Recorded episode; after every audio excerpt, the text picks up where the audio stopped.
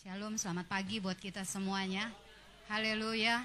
Saya percaya kita semua akan menerima berkat dari Tuhan lewat firman yang akan kita dengarkan. Saudara yang dikasih Tuhan, hari-hari kita memasuki tahun 2021 sampai hari ini setiap kita melewati banyak keadaan entahkah berbahagia atau tidak, tetapi yang pasti ada kesulitan tapi ada juga hal yang mudah yang kita lewati. Tema firman Tuhan hari ini saya akan sampaikan tentang melewati kesulitan dengan berbahagia. Katakan sama-sama, melewati kesulitan dengan berbahagia. Coba lihat kanan kirinya tanya, apakah engkau sedang melewati kesulitan? Haleluya. Dan tanya lagi, apakah engkau berbahagia melewatinya? Haleluya. Karena saudara tidak percuma di ayat-ayat firman Tuhan, banyak bagian-bagian yang mencatat bukan hanya sekedar cerita tentang kemenangan, tetapi di sana ada cerita pertandingan. Amin. Ada cerita pertandingan. Bahkan kenapa Habakuk bisa berkata, sekalipun pohon ara tidak berbuah, kambing domba terhalau dari kurungan, Artinya, saudara, mengikut Tuhan tidak selalu berarti kita akan mengalami kemudahan semata. Katakan amin. Tidak selalu kita akan tertawa karena apa yang kita mau. Tetapi hidup ini akan bicara tentang bagaimana engkau dan saya menaklukkan kesulitan. Bapak Gembala berapa kali sampaikan keadaannya tidak makin mudah. Makin banyak kesulitan yang akan terjadi di atas muka bumi ini menjelang kedatangan Tuhan. Tetapi bagaimana respon kita ketika kesulitan datang? Ada banyak orang ketika kesulitan datang, dia akan kembali saudara semangatnya patah. Ketika kesulitan datang, dia memandang rasanya hidup tidak adil. Ketika kesulitan datang, dia melihat orang lain lebih mudah jalannya. Padahal untuk jalan hidupmu dan jalan hidupku, Tuhan punya skenario tersendiri. Katakan amin. Mari buka dari Yakobus pasal 1 melewati kesulitan dengan berbahagia. Haleluya. Sehingga saudara, orang tidak bisa menilai kita dari reaksi wajah kita lagi. Manusia, saudara, yang hidup secara lahiriah, dia akan menilai dari secara raut wajahmu. Tapi orang yang tinggal di tempat rahasia Tuhan, yang terpancar hanyalah pengharapan, yang terpancar kemenangan. Selalu ada jalan di tempat di mana kelihatannya pintu tertutup. Coba Yakobus pasal 1 ayat yang kedua sampai yang keempat. Ketika saya membaca ayat ini, Tuhan biarlah kami juga bisa melewati semua kesulitan dengan berbahagia. Orang yang berbahagialah yang akan bisa membahagiakan orang lain. Orang berbahagialah yang bisa berbagi kebahagiaan. Kalau engkau nggak berbahagia, kalau engkau luka, sekalipun kelihatannya perbuatan baik, tapi sebenarnya engkau membaginya dalam lukamu. Tapi kalau orang yang berbahagia, nggak banyak, nggak besar yang dia bagi, tapi kebahagiaan yang membuat itu jauh lebih besar. Mari kita baca Yakobus pasal 1 ayat yang kedua sampai keempat kita bangkit berdiri bersama-sama. Saya percaya lewat firman ini, saudara akan melihat segala sesuatu dengan yakin dan percaya. Engkau melihat kekurangan dengan berbahagia. Engkau melihat semuanya itu dengan rasa yakin ada Tuhan di pihakku. Kita baca sama-sama dua ya. Saudara-saudaraku, anggaplah sebagai suatu kebahagiaan apabila kamu jatuh ke dalam berbagai-bagai pencobaan. Sebab ujian terhadap imanmu itu menghasilkan ketekunan. Dan biarkanlah ketekunan itu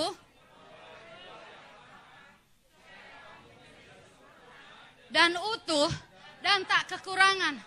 Saudara lihat kesulitan itu akan membuat kita memperoleh iman dan ketekunan dan biarkanlah ketekunan itu memperoleh buah yang matang. Tahukah engkau kesulitan itu membuat buah ketekunanmu matang? Kalau engkau selalu mudah jalannya, di mana waktu engkau bisa berseru-seru sama Tuhan? Bukankah kesulitan membuat kita berteriak sama Tuhan? Bukankah kesulitan membuat engkau menggapai tahta Allah? Bukankah kesulitan membuat engkau menekuk lututmu? Bukankah kesulitan membuat engkau mendeklarasikan kemenangan? Oleh sebab itu, dia berkata, biarkanlah ketekunan lewati kesulitan muncul ketekunan. Ketekunan itu memperoleh buah yang matang. Supaya kamu menjadi sempurna dan utuh. Kesulitan melengkapi hidup kita. Katakan amin.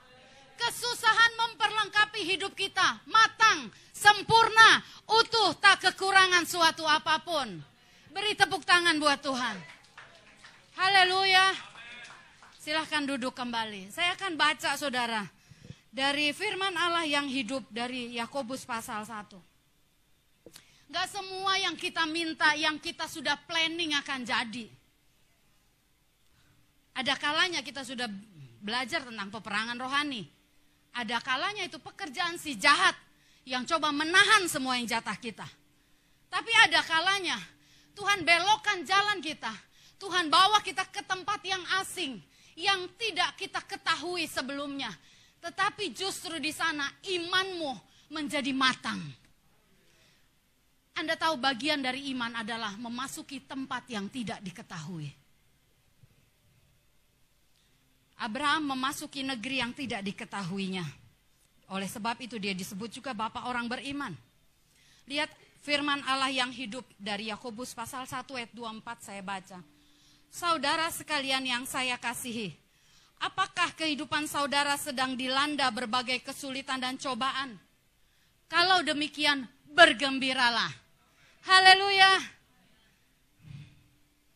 Karena jika jalan kehidupan itu sulit, kesabaran saudara memperoleh kesempatan untuk tumbuh. Haleluya. Yakobus 1 ayat yang kedua sampai keempat. Firman Allah yang hidup. Ayat yang keempat. Sebab itu biarkanlah kesabaran saudara tumbuh. Dan janganlah melarikan diri dari persoalan yang saudara hadapi. Katakan amin. Tepuk bahu kanan kirimu bilang jangan lari dari persoalan. Jangan lempar persoalanmu sama orang karena orang itu yang akan diberkati. Katakan amin. Firman Tuhan bilang gini, dia melatih kita berperang, dia pimpin kita jadi pemenang. Dia melatih kita berperang, dia pimpin kita jadi pemenang. Kalau engkau melempar persoalanmu kepada orang lain, orang itu diberkati. Haleluya. Kirain kak kau dilemparin masalah jadi kita yang pusing. Saya lanjutkan ayat yang keempat. Sebab itu biarkanlah kesabaran saudara tumbuh dan jangan melarikan diri dari persoalan yang saudara hadapi. Karena apabila kesabaran saudara telah berkembang sepenuhnya, maka saudara akan sanggup menghadapi segala sesuatu. Saudara akan berwatak kuat, katakan amin. Tanpa celah atau kekurangan suatu apa pun. Kalau hari ini kau sedang menghadapi kesulitan, itu nggak apa-apa. Kalau engkau sedang menghadapi kesulitan, itu tempat pertandingan kesabaranmu dan imanmu. Karena ketika engkau melewatinya, kau akan lihat betapa engkau lebih kuat dari yang kau bayangkan sebelumnya. Engkau lebih tabah dari yang sebelumnya. Engkau lebih diberi hikmat dari yang sebelumnya engkau nggak pikir tahu. Jangan menangis ketika kesulitan datang. Karena ketika itu datang engkau tidak tahu ada buah ketekunan yang sedang dimatangkan. Ada buah ketekunan yang dimunculkan. Firman Tuhan tadi bilang maka engkau akan berwatak kuat. Engkau akan berwatak kuat. Utuh, sempurna, tidak kekurangan satu apa pun. Haleluya. Yakobus mencatat dan mengajarkan kepada kita. Apa yang hari ini engkau dan saya hadapi? Tidak semua bisa kita ceritakan, tetapi semua Tuhan tahu. Haleluya. Amin. Saudara, ketika melewati masa yang sulit, masa yang sukar, kita bisa memilih apakah kita mau bergembira dan menganggap itu kebahagiaan atau kita menganggap itu penderitaan. Kalau engkau menganggap kesulitan, Allah tidak pernah kasih pencobaan. Tetapi ketika dia izinkan kita mengalami kesusahan, kesulitan. Kesulitan itu apa sih saudara? Sesuatu yang gak nyaman buat kita. Betul nggak? Sesuatu yang gak biasa buat kita. Sesuatu yang gak pernah kita mau pilih. Tidak pernah ada orang yang mau memilih kesulitan. Orang maunya aman. Betul nggak? Engkau bisa pilih melewati pencobaan, melewati kesulitan, kesukaran. Engkau bergembira, berbahagia, melihat dari kacamata kasih sayang Tuhan. Atau kalau engkau menganggap itu penderitaan, maka yang muncul adalah sungut-sungut. Kita akan mengeluh, kita akan berkeluh kesah sepanjang hari. Dan apa yang kita lewati menjadi lebih berat daripada yang seharusnya kita lewati. Haleluya. Amin. Kadangkala Tuhan izinkan sesuatu yang di tangan kita seperti terenggut. Jalan yang kita lewati seperti tertutup. Tetapi kalau orang yang melihatnya dengan berbahagia, dia akan berkata, ini cuma membuat ketekunanku makin matang. Makin tertutup jalannya, makin aku berseru-seru kepada Tuhan. Makin tertutup jalannya, makin aku memerlukan dan menguatkan imanku kepada Tuhan. Kalau semua tersedia, engkau tidak perlu iman lagi. Haleluya. Iman, bagian dari iman adalah memasuki tempat yang tidak kita ketahui. Memasuki situasi yang tidak kita ketahui. Tempat yang gelap. Di tempat yang gelaplah engkau perlu firman. Di tempat yang gelaplah engkau berkata, firman itu pelita bagi kakiku. Terang bagi jalanku. Kalau engkau selalu tahu jalannya, selalu tahu jalannya, engkau akan jalan tanpa perlu pelita. Tapi waktu engkau tahu, engkau bisa berkata, Tuhan aku bodoh. Tuhan aku nggak ngerti. Tuhan aku nggak bisa ngelewatin ini. Di situlah firman akan menerangi langkah kakimu. Katakan amin.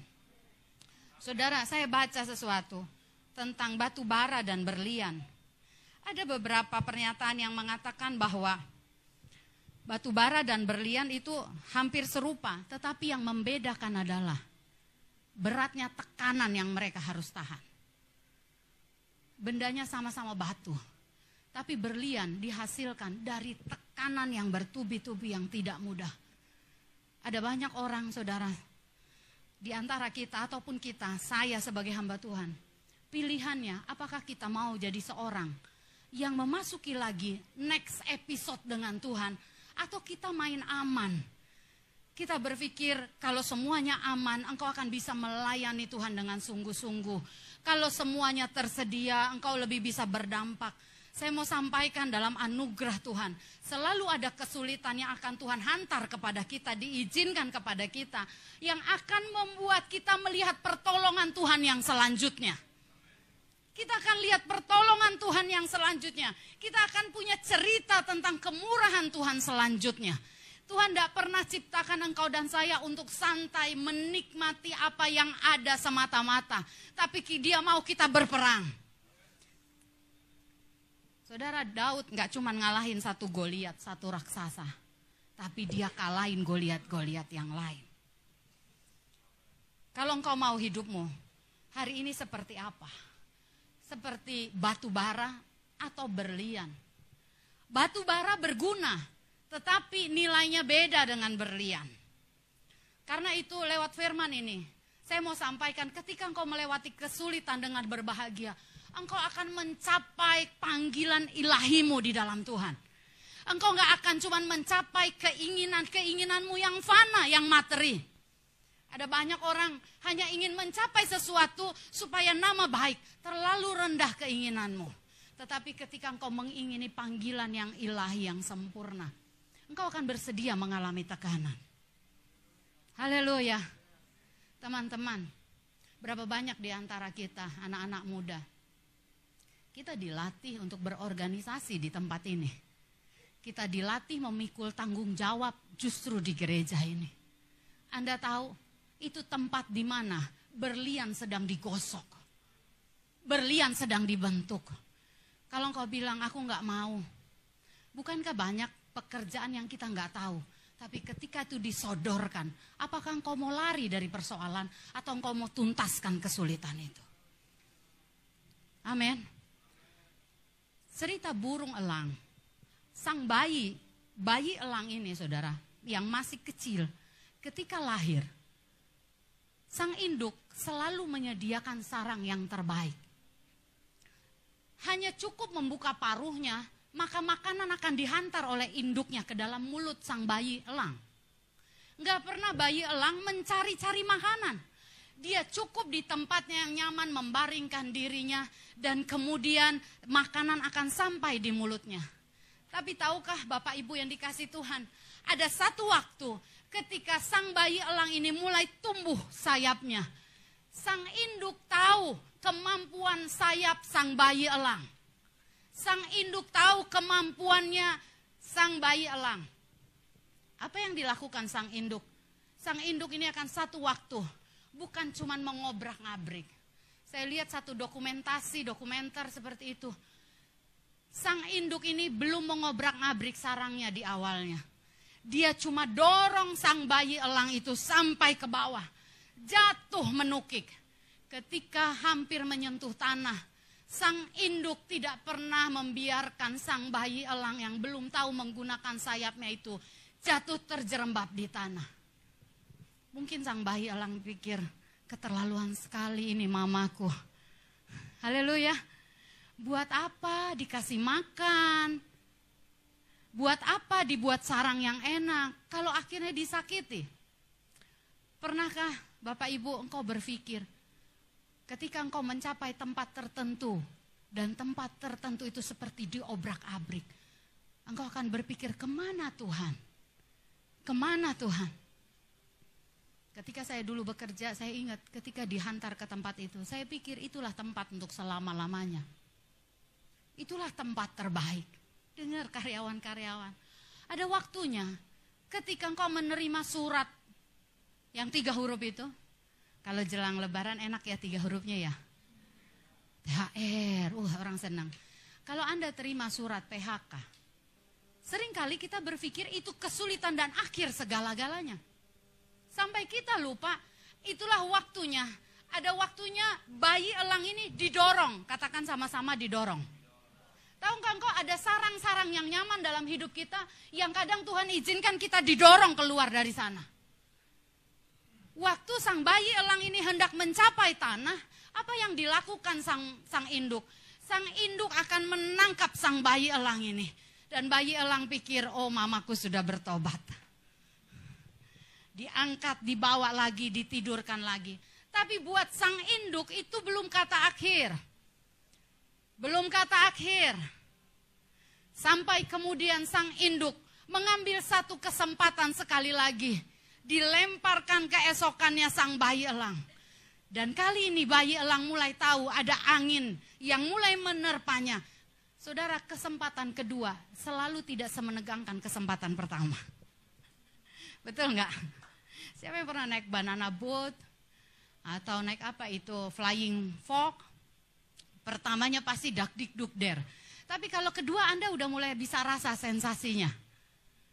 Dan sang bayi elang ini mulai ngerti membuka kepak sayapnya. Tahukah engkau, ketika kesulitan datang, itu justru akan membuat engkau sadar. Kepak sayapmu itu diperlengkapi oleh Tuhan dengan kekuatan yang luar biasa. Engkau bisa menaklukkan kesulitan. Engkau bisa menaklukkan kesukaran. Engkau bisa melewati perjalanan padang gurun tanpa kekurangan apa pun. Engkau bisa melewati jalan yang tandus tapi kakimu tidak akan luka. Tapi banyak orang pengen Tuhan kasih aku padang rumput yang hijau.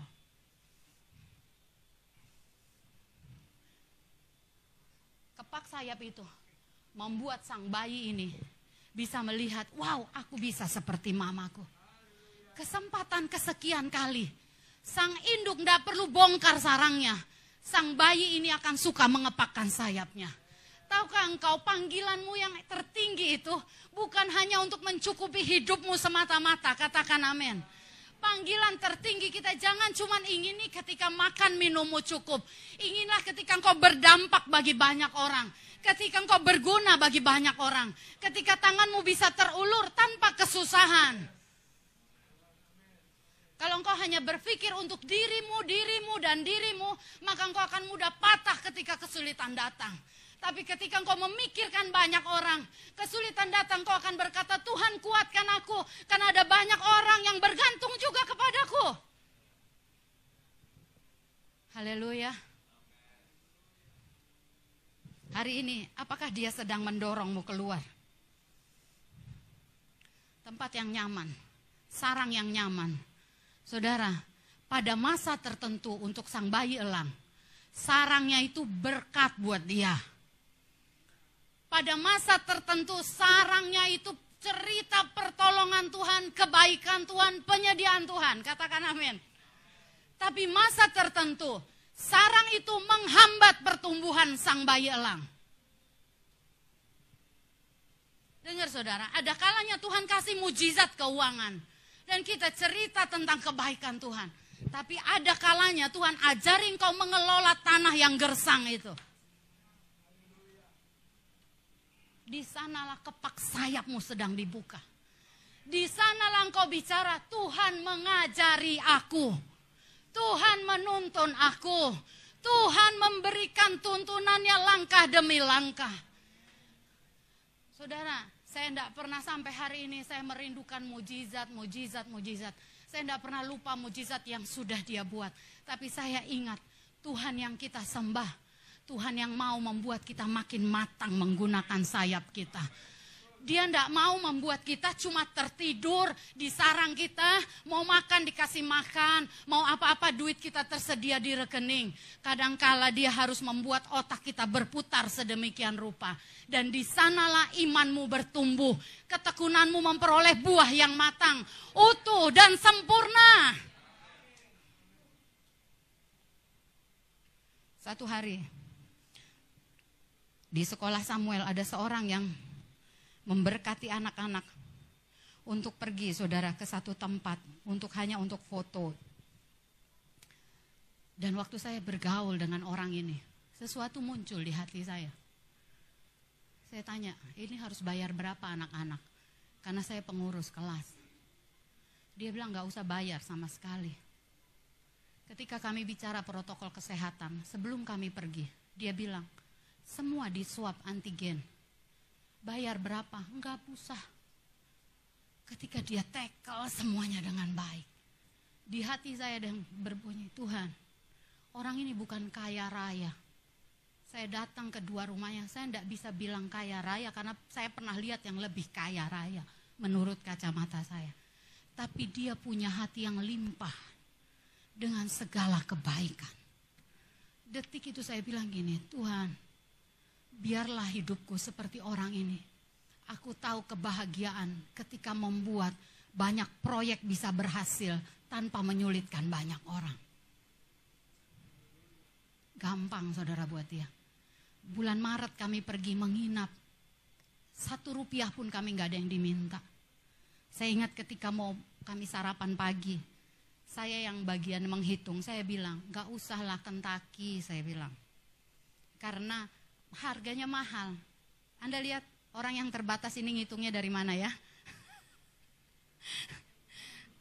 Dalam hati gini, kayak saya tuh kak, saya juga gitu tuh. Saya bilang, gak usah KFC, saya itu kita pakai aja sama ayam goreng tapi gak usah merek Kentucky. Saya bilang, karena lumayan harganya, hampir 30 ribu. Cuman nasi satu, ayam satu. Tapi dia bilang gini, jangan, jangan. Dia bilang, anak-anak melihat kotaknya tulisan KFC aja langsung nafsu makannya dia bilang. Belum makan tuh. Karena mereka punya rasa kayaknya kotaknya udah bener, enak rasanya gitu. Sementara saya menghitung dari kesanggupan saya. Dan kemudian dia bilang, beli seperti itu, kecuali lu bisa nemu dosnya yang dijual. Karena sugesti anak-anak. Waktu kami belikan, saya melihat, Tuhan, biarlah kami di gereja mau mengalami ini. Saya pulang, saya bukan hanya bawa cerita bahagia, saya bilang sama suami saya, sekarang aku tahu yang kau maksud. Suami saya pernah bilang, ketika kita kaya, bukan untuk memuaskan kita, tetapi kita akan membuat proyek-proyek pekerjaan Allah gampang dikerjakan. Tidak perlu susah payah, tidak perlu susah payah, tidak perlu susah payah. Banyak kita suka bilang begini kan, yang lain harus ikutan dong, biar mereka diberkati. Masalahnya bukan itu, kita nggak punya. Oleh kanan kiri bilang, saya yakin kamu menangkap sesuatu dari khotbah ini. Pak Sutri pernah lewati retret dengan luar biasa. Ya Bang Horas. Dengan kemurahan Tuhan. Dan apa yang muncul di hatimu ketika engkau mengecap kebaikan Tuhan. Ingin itu. Ingin itu. Ketika saya mengecap, saya bilang, Tuhan aku mau yang kayak gini. Aku mau hidupku berdampak. Aku nggak mau cerita tentang hartaku yang berlimpah dan orang terbelalak dan wow keren. Enggak, aku pengen ngelihat orang tersenyum lewat berkat yang kau berikan kepadaku. Haleluya. Amin. Tetapi tidak pernah orang dipercayakan itu kalau sedikit-sedikit dia mengeluh. Katakan haleluya. Amin. Hidup ini bisa melelahkan saudara. Hidup ini bisa membuat kita berubah. Jadi orang yang dari orang yang murah hati, tiba-tiba waktu makin diberkati perhitungan kita makin cermat. Anda tahu? Dan kita berpikir waktu kita murah hati kemarin itu masa kegelapan. Haleluya. Ya lain lah kak, sensasinya udah beda. Saya ngomong ini buat diri saya sendiri juga. Makin bertambah beban, makin bertambah usia, udah menikah punya anak ya mas ya. Hitungannya beda. Waktu dulu, wah kerja buat Tuhan. Selalu manis ya, kita akan memberi, wah jeder-jeder. Tapi justru ketika kita memiliki banyak, itu yang saya bilang. Sarang burung buat sang bayi itu berkat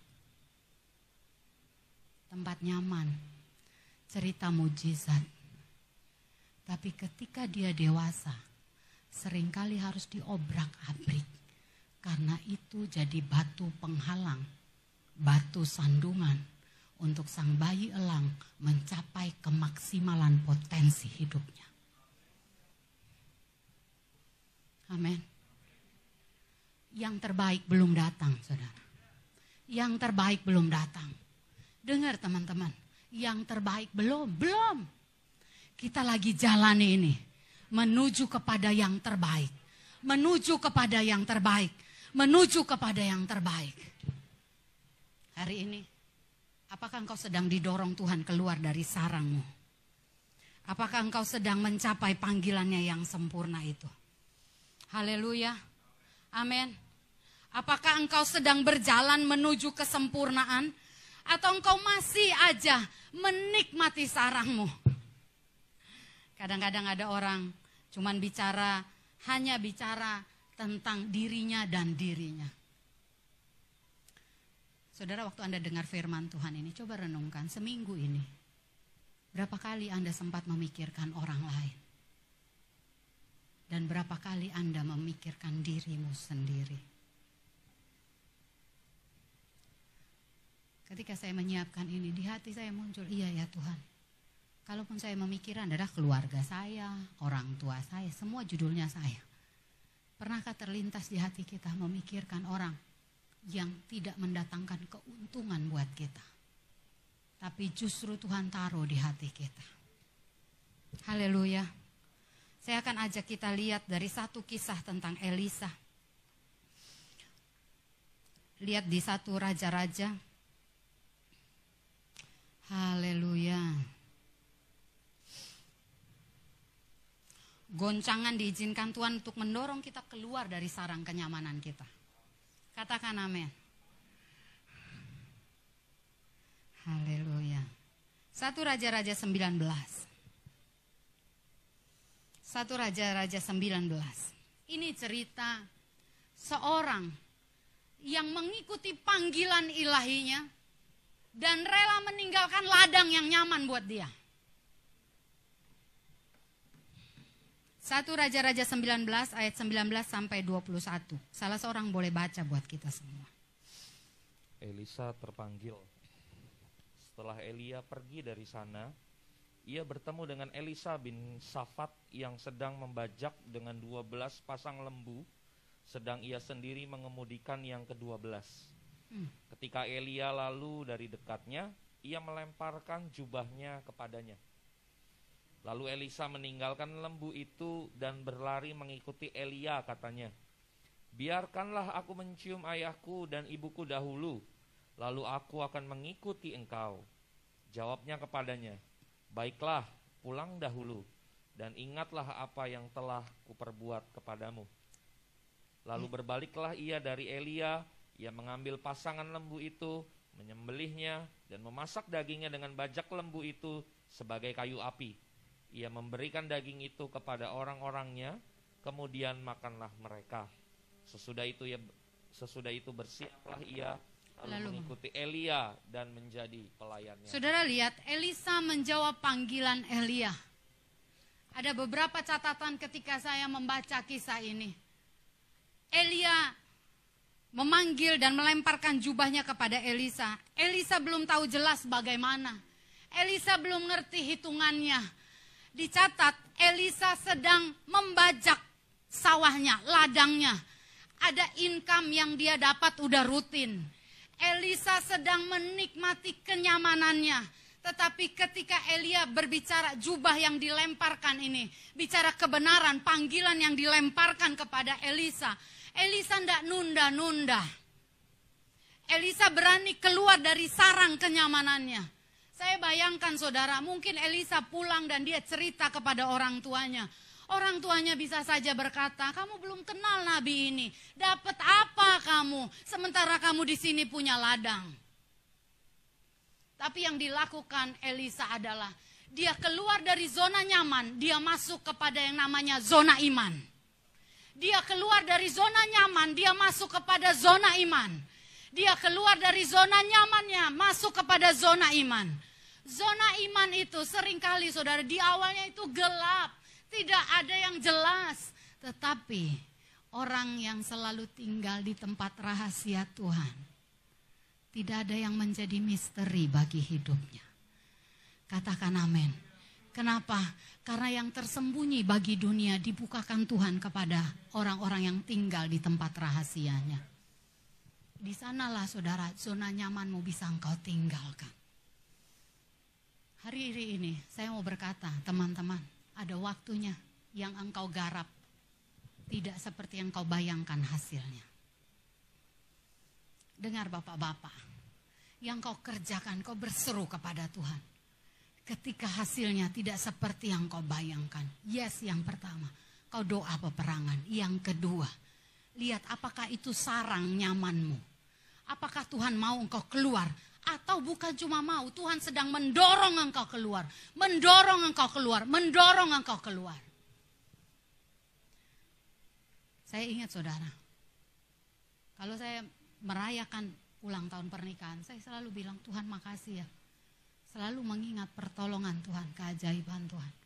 Selalu ingat ketika mendahulukan kepentingan orang lain, justru Tuhan tidak pernah permalukan. Tuhan mencukupkan semua tepat pada waktunya. 17 tahun yang lalu, ketika kami rencana menikah, ada hari yang menegangkan buat kami berdua. Hari yang menegangkan bukan sekedar jatuh tempo. Hari yang menegangkan ketika janji kami diuji Tuhan. Ketika kami berkata berdua, kami berjanji tidak berhutang. Yang kedua, tidak meminta pertolongan kepada siapa pun. Justru ujiannya datang ketika orang-orang yang punya kesanggupan menanyakan apa yang masih kurang. Waduh, kalau saya ingat itu di hati saya, saya doa peperangan itu ternyata peperangan yang bodoh. Saya tengking-tengking itu. Saya pikir gini, lu mau ngasih-ngasih aja kayak kan gue terima. Masalahnya kalau ngasih diterima, kalau nanya kami udah janji, kami nggak mau minta. Halo, Anda pernah nggak bikin nazar sama Tuhan? Dan justru godaannya, ujiannya terbesar ketika yang membuat kita bisa loss dengan janji itu datang sama kita. Ketika ditanya, saya ingat saudara, 17 tahun yang lalu, kami masih kurang sekitar 30 juta. Gak ada tempat kami berharap bersandar, gak ada. Mau ngomong di mimbar juga gak pas. Kurang urapan. Saudara bisa nangis doang nanti dengarnya. Tahu nggak saudara, kalau engkau tiba-tiba orang yang biasa membackupmu tidak membackupmu, itu jalan yang kau keluar dan masuk ke zona iman. Kalau yang biasa mendampingimu itu meninggalkan engkau, itu saat yang kau masuk zona iman. Akan tahu engkau punya kepak sayap Raja Wali. Engkau punya kemurahan Tuhan, engkau punya penyediaan Tuhan, engkau punya perkenanan Tuhan. Upahmu disimpan ketika engkau perlu upahmu diturunkan Tuhan. Saya ingat itu saudara. Hari Kamis makin mendebarkan menjelang hari Minggu pernikahan. Deg-degannya makin kacau karena yang ditelepon selalu saya, nggak pernah suami saya. Puji Tuhan. Kasih karunianya beda. Dan saya ingat saudara hari Jumat, itu hari yang terakhir karena orangnya sudah bilang. Kalau ibu nggak bayar hari Jumat karena catering harus bayar. Berbahagialah engkau yang menikah sudah tersedia. Tapi kami pun tidak kalah berbahagia dengan engkau. Haleluya. Saya ingat saudara, hari Jumat saya dibilang orangnya, hari Kamis malam ditelepon, Bu, Jumat harus lunas. Kalau nggak lunas, mohon maaf, pestanya dibatalkan. Itu pertandingan buat kami. Jumatnya saya diundang pelayanan ke satu persekutuan doa. Tiba-tiba hatiku berharap ke sana. Anda pernah gitu nggak? Kekurangan dan ngarep. Aku sering dan sering pula Tuhan tutup jalannya. Haleluya. Udah ku tengking, udah ku panggil berkat, nggak datang. Anda tahu sebenarnya bukan nggak datang, datangnya lewat pintu yang lain. Kami doa, suami saya ketemu di Sleepy Jaya, itu tempat kenangan kami. Sampai di sana saling lihat-lihat, nggak tanya apa-apa. Udah nggak berbunga-bunga, Marbun lagi begitu mah. Kebutuhan banyak, udah nggak ada berbunga-bunganya lihat si dia. Yang teringat gini, lunas, lunas, lunas. Kok larinya ke sana? Itulah Tuhan. Saudara saya ingat, kami lihat-lihatan dan saya bilang sama suami saya, ayo kita ke tempat ATM di bawah. Dia ngecek, saya ngecek, nggak ada nilai yang tambah. Sama angkanya. Saya udah dalam nama Yesus, nggak nambah angkanya. Saudara, saya ngomong ini supaya Anda tahu, kita ini pernah lewati masa-masa kebodohan, masa-masa ketidaktahuan. Dan di situ pun Tuhan sedang memandangi kita dan ada bersama kita.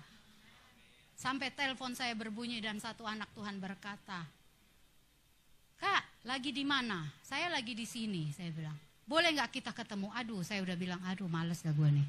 Ini pasti ceritanya curcol kita lagi banyak masalah. Dengar saudara, lagi banyak masalah orang mau curhat. Anda jangan anggap remeh. Orang yang biasa nyusahinmu, kadang-kadang Tuhan kasih itu jadi jalan menjawab doamu. Katakan amin. Jangan menghindar. Bilang kanan kiri, jangan menghindar sama orang yang nyusahin. Haleluya. Orang orang yang suka nyusahin Kayaknya Anda terjawab sekali doanya ya. Dan hari itu orang itu ketemu saya.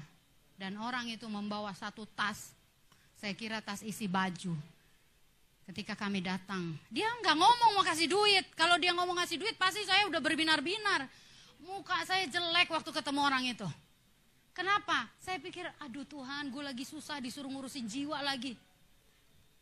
Itu pikiran kita. Tapi sampai singkat ceritanya, orang itu Tuhan pakai untuk membawa kami melunasi semua uang kami di sana. Lunas, lunas. Gak ada saudara kami berdiri di panggung pernikahan. Gak ada satupun yang belum terbayar. Tapi itu melewati sarang yang digoncang sarang yang digoncang. Dulu berkatnya disiapin, diantar ke mulut waktu bayi, tinggal mangap dapat, tinggal mangap dapat ceritanya mujizat. Tapi ada kalanya kepak sayap imanmu itu harus engkau gunakan. Kenapa saya sering sampaikan ini cerita? Kami harus selalu ingat karena kemenangan yang kemarin menentukan kemenangan hari ini. Kemenangan hari ini menentukan kemenangan hari esok. Kita tidak pernah diciptakan hanya untuk diri kita. Kita ditakdirkan Tuhan untuk menduduki tanah-tanah baru. Tanah-tanah baru, janjinya yang baru bagi kita. Itu sebabnya ketika kekurangan datang, selalu roh kudus bisikan, ingat nak, dulu pun kau memulainya bukan dengan kegagahanmu Teman-teman engkau yang bekerja, ingatlah engkau memulainya bukan dengan kegagahanmu. Kalau sekarang kau mengalami hambatan, rintangan, kenapa engkau dengan gagah berdiri? Kenapa engkau tidak tertunduk dan berkata, Tuhan tolong aku lagi. Tuhan tolong aku lagi. Haleluya. Elisa mengikuti panggilan. Alkitab mencatat tidak berapa lama ketika Elia diangkat ke sorga keretanya dibawa naik ke sorga. Elisa mendapat dua kali lipat pengurapan dari roh kudus. Elisa melakukan mujizat dua kali lipat. Bayaran harga yang kau lakukan dengan tulus kepada Tuhan. Enggak pernah ada yang hilang. Enggak pernah ada yang miss hitungannya. Enggak pernah ada yang berkurang hitungan Tuhan. Sebab itu, biarlah hari ini saudara. Kalau engkau sedang didorong, digoncang keluar engkau bisa berbahagia menghadapinya. Amin. Semuanya hanya untuk membuat iman kita makin matang. Ketekunan mencapai buah yang utuh. Kita bisa sabar terhadap segala sesuatu. Firman Tuhan tadi bilang, engkau akan menjadi pribadi yang berwatak kuat. Mari bangkit berdiri.